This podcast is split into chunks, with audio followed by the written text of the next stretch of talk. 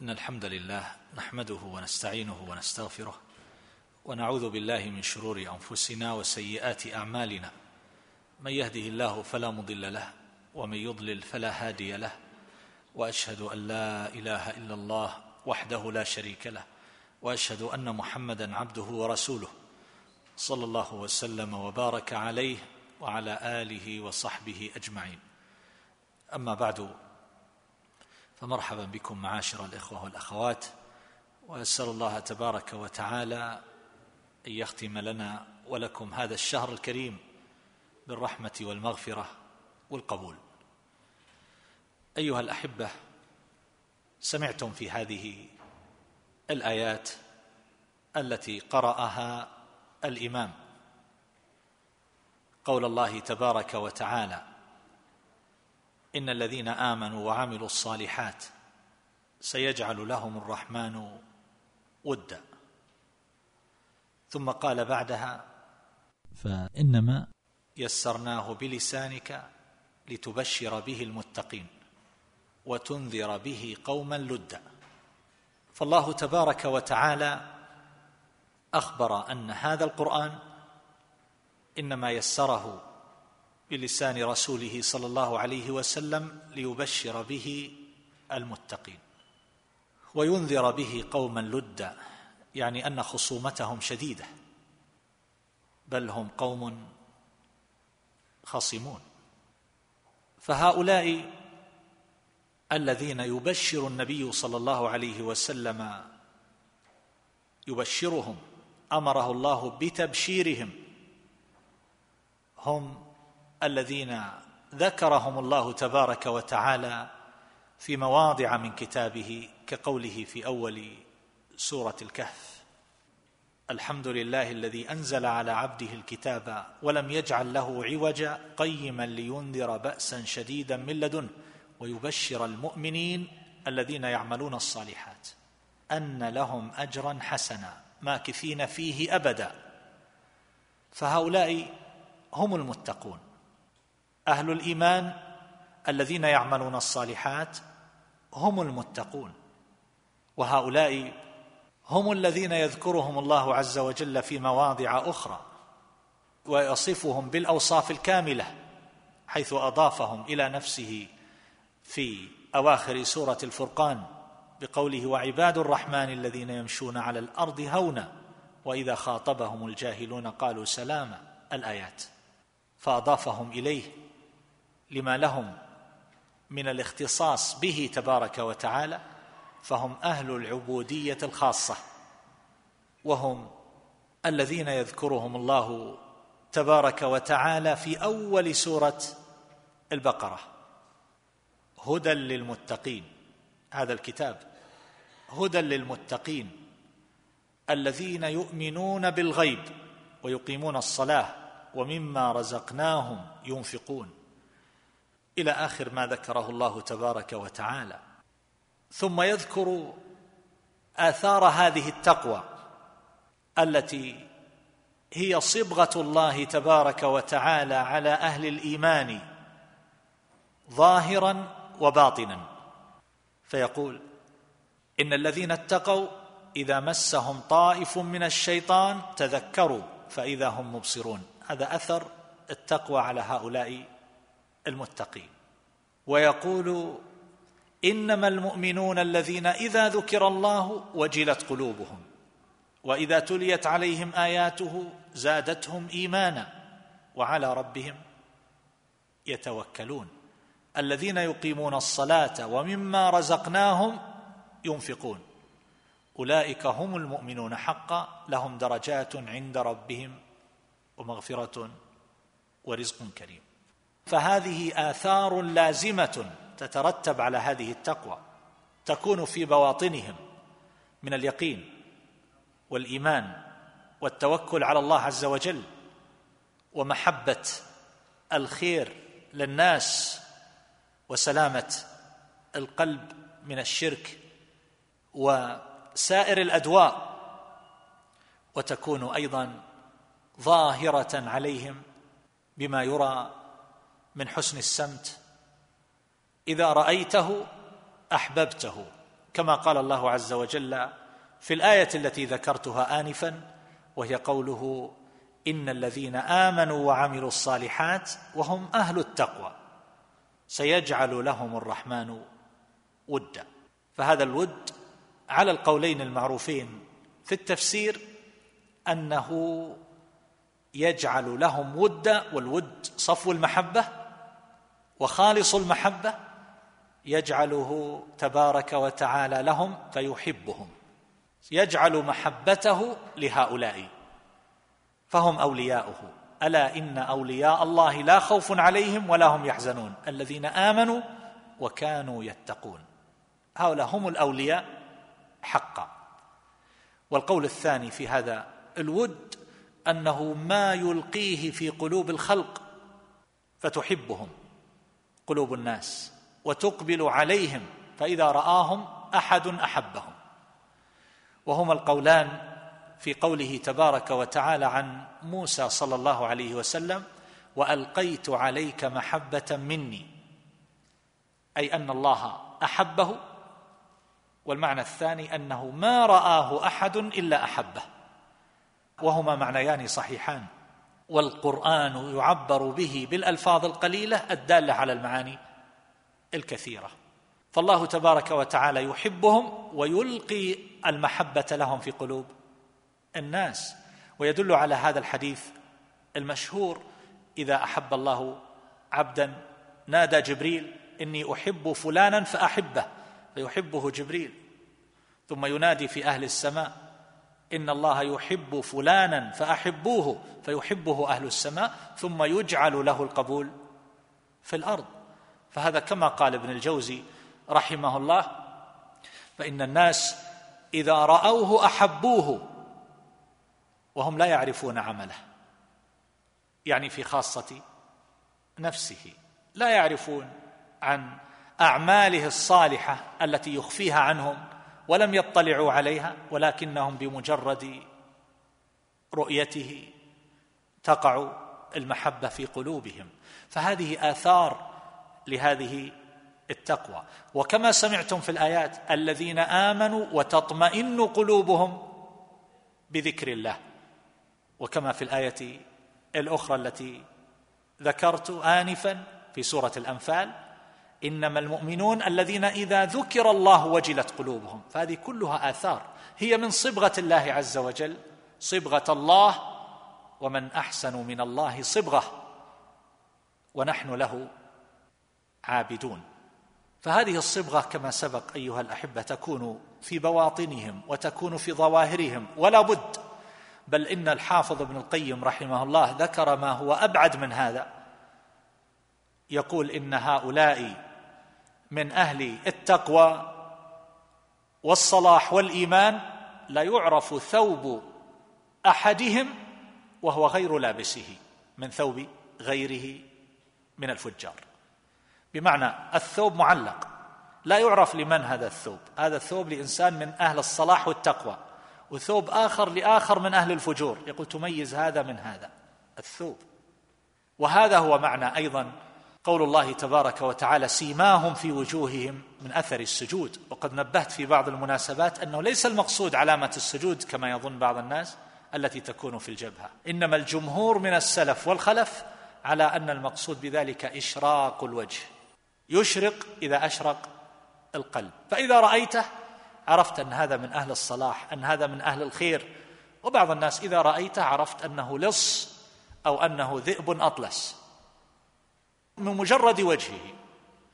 فلذلك أقول أيها الأحبة هذا المعنى الكبير هو الذي شرع الصيام من أجل تحقيقه. كتب عليكم الصيام كما كتب على الذين من قبلكم لعلكم تتقون. فلعل هنا للتعليل وكل لعل في القرآن فهي للتعليل إلا في موضع واحد وهو قوله تعالى وتتخذون مصانع لعلكم تخلدون يعني كأنكم كأنكم تخلدون. فهنا كتب عليكم الصيام كما كتب على الذين من قبلكم لعلكم من أجل أن تتقوا. من أجل تحقيق التقوى.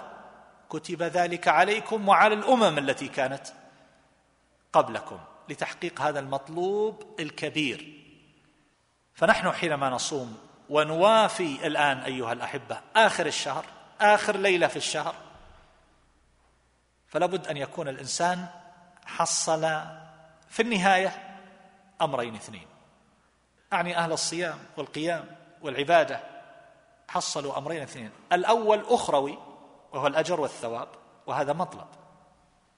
والأمر الثاني وهو ما يحصل من تربية التقوى.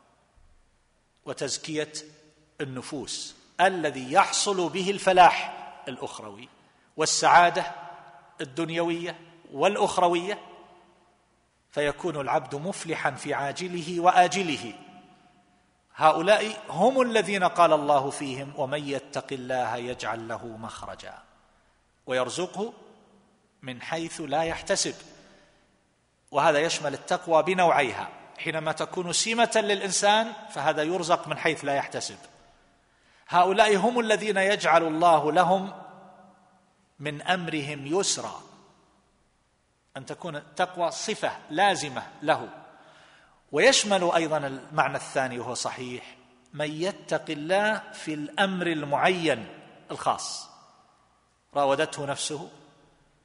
حصل له طمع في أمر فيه شبهة.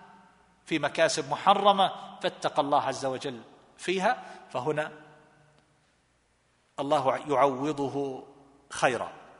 من ترك شيئا لله عوضه الله خيرا منه. اذا أيها الأحبة هذا الصوم شرع من أجل تربية التقوى من أجل تزكية هذه النفوس. فحري بالعاقل أيها الأحبة أن ينظر ما الذي حصل له من هذا؟ هل تزكت هذه النفس؟ هل صار في مراتب عالية في العبودية؟ وانظر إلى الارتباط بين الأمرين في أول أمر في القرآن على ترتيب المصحف. في قوله تبارك وتعالى يا أيها الناس اعبدوا ربكم الذي خلقكم والذين من قبلكم لعلكم تتقون. يعني من أجل أن تتقوا. وهذا يدل على الارتباط بين الأمرين أن العبد كلما حقق العبودية أكثر كان محققا للتقوى. فإن الحكم المعلق على وصف يزيد بزيادته وينقص بنقصانه.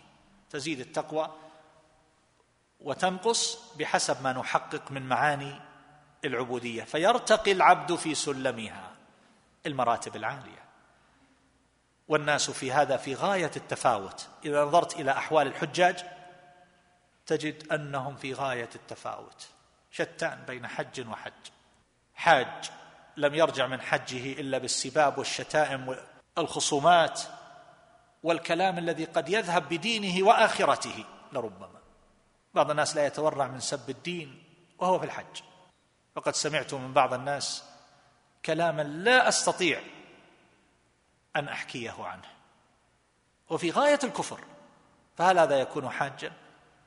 وآخر جاء للعمرة وتكلم وخاصم أصحابه وقال إنه نصراني وإنه إذا رجع إلى بلده سيعلق الصليب. وقد سمعت هذا منه. لما جاء به أصحابه وقالوا هذا يقول هذا الكلام بعد العصر في رمضان. جاء للعمرة. ويقول هذا الكلام في خصومة بينه وبين أصحابه. فالناس الحاج المعتمر شتان يتفاوتون تفاوتا كبيرا. الصائمون يتفاوتون تفاوتا كبيرا.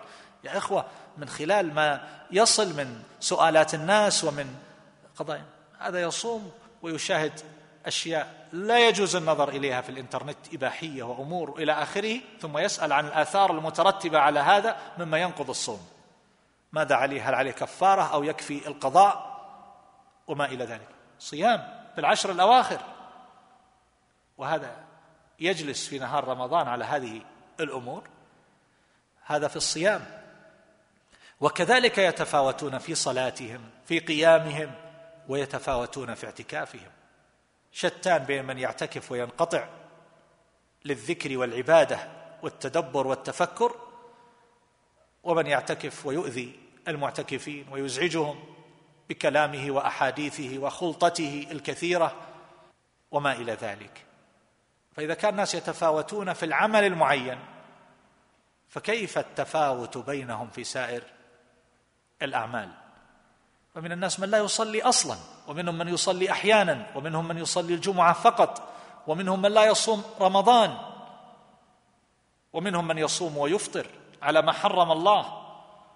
من الفواحش ونحوها ومنهم من يصوم ويفطر على الطعام والشراب. فالناس يتفاوتون. في هذه الأمور غاية وهذا التفاوت هو الذي يحصل به التفاوت بعد ذلك في الآخرة. يكونون في مراتب ودرجات في غاية التباين. وإذا كان الناس أيها الأحبة يتغابطون في هذه الحياة الدنيا على حطامها الزائل فكيف بما يحصل من التفاوت؟ فإن الآخرة أكبر درجات وأكبر تفضيلا بين أهلها كما نعلم. ولذلك أقول أيها الأحبة يحتاج الإنسان إلى مراجعة. ما الذي خرج فيه؟ ما الذي تربى في نفسه من التقوى؟ ما الذي حصل له من التزكية؟ اللائق أيها الأحبة أننا نرجع بعد رمضان بحال أفضل مما كنا عليه في شعبان. في الأخلاق في التعامل في القلوب السليمة السليمة من جميع أنواع الالتفات إلى غير الله تبارك وتعالى والسليمة من الغل والغش والحقد والحسد والكراهية فإن هذا جميعا يدخل في قوله إلا من أتى الله بقلب سليم كما ذكر الحافظ ابن القيم رحمه الله. فتكون سلامة القلب بقدر ما يحصل له من العافية من هذه الأدواء بجميع أنواعها وأعظم ذلك الشرك بالله تبارك وتعالى. فما الذي نخرج به بعد رمضان؟ نحتاج إلى لابد أن يكون القلب قد تغير. يكون القلب مخبتا خاشعا إذا ذكر الله. وجل وإذا تليت عليه آياته زادته إيمانا ويكون توكله عظيما ويقينه عظيما ومحبته لله ولرسوله ولدينه عظيمة. وكذلك أيضا لابد أن يظهر هذا في الأخلاق والتعامل مع اولا مع أقرب الناس وبالوالدين إحسانا. كيف التعامل مع الأبوين؟ الطاعة البر الكامل. لا يحتاج الأب أن يأمر مرة وثانية وثالثة ورابعة وعاشرة حتى يستجاب له بعدما يمل. الولد البار هو الذي يعرف ما الذي يحبه أبوه وما الذي يكرهه فيبادر في محابه وترك مساخطه إذا كان ذلك لا يتعارض مع محبة الله ومع مساخطه. وهكذا أيضا التعامل مع الزوجة التعامل مع الأولاد التعامل مع الأصحاب التعامل مع الجيران التعامل مع المجتمع. يغير الإنسان من نفسه لا يدوم على حال واحدة فيكون منتقلا من كمال إلى إلى كمال. حتى يلقى الله تبارك وتعالى وهو في مثل هذه الحال. بعض من صحب الإمام أحمد خمسا وعشرين سنة يقول ما دخلت عليه في يوم إلا وهو أفضل. يعني في زيادة. عن اليوم الذي قبله. كل يوم في زيادة. هل نحن في رمضان بكامله في زيادة عما كان الحال عليه قبل رمضان؟ لتكن الزيادة أيها الأحبة بالجملة بالشهور. ولا أقل من أن يكون ذلك في الشهور والمواسم الفاضلة كرمضان. الحج. وهكذا أيها الأحبة. في أمور تحتاج إلى نظر واسترعاء الفكر والوقوف عندها والتأمل وكل ذلك ينتظمه اسم الإيمان. كل هذا فالإيمان بضع وسبعون شعبة أو بضع وستون شعبة. أعلاها شهادة أن لا إله إلا الله وأدناها إماطة الأذى عن الطريق. وقد صح عن النبي صلى الله عليه وسلم أن التؤدة والسمت الحسن جزء من أربعة وعشرين جزءا من النبوة. السمت الحسن جزء من أربعة وعشرين جزءا من النبوة. فهذه أمور ولذلك تجد في أول صفات عباد الرحمن في سورة الفرقان المشية. وعباد الرحمن الذين يمشون على الأرض هونا فإن المشية تدل على صاحبها غالبا تدل على عقله. وسمته. وغالبا ما تعرف شخصية الإنسان من مشيته إذا كان متكبرا متعاظما متعاليا على الناس أو كان فيه خفة في عقله. كل ذلك يعرف من مشيته. فأقول مثل هذا السمت الظاهر والهدي الظاهر مع أمور الباطن أعمال القلوب التي هي في جنسها أشرف وأعظم من أعمال الجوارح لكن لا بد أن تظهر آثارها على الوجه والجوارح. هذا أمر لا بد منه. فأقول أيها الأحبة يحتاج الإنسان إلى أن يراجع نفسه وأن يحاسبها وأن يكون منتقلا من حال إلى حال ومن درجة إلى درجة من درجات العبودية فيكون حاله بعد رمضان أفضل من حاله قبل ذلك ويكون له ورد من القرآن لا يغفل عن هذا ابدا. يكون له ورد من الصلاة من النوافل مع المحافظة على الفرائض فلا يفرط ويكون بعد ذلك مضيعا لأمر الله تبارك وتعالى فإنه إذا ضيع بالنوافل فإن ذلك سيرجع إلى الفرائض فيلحقها التفريط والتضييع ولا بد. فأسأل الله تبارك وتعالى أن يتقبل منا ومنكم وأن يلهمنا رشدنا ويقينا شر أنفسنا. اللهم ارحم موتانا واشف مرضانا وعاف مبتلانا واجعل آخرتنا خيرا من دنيانا. ربنا اغفر لنا ولوالدينا ولإخواننا المسلمين. والله أعلم. صلى الله عليه محمد وآله وصحبه.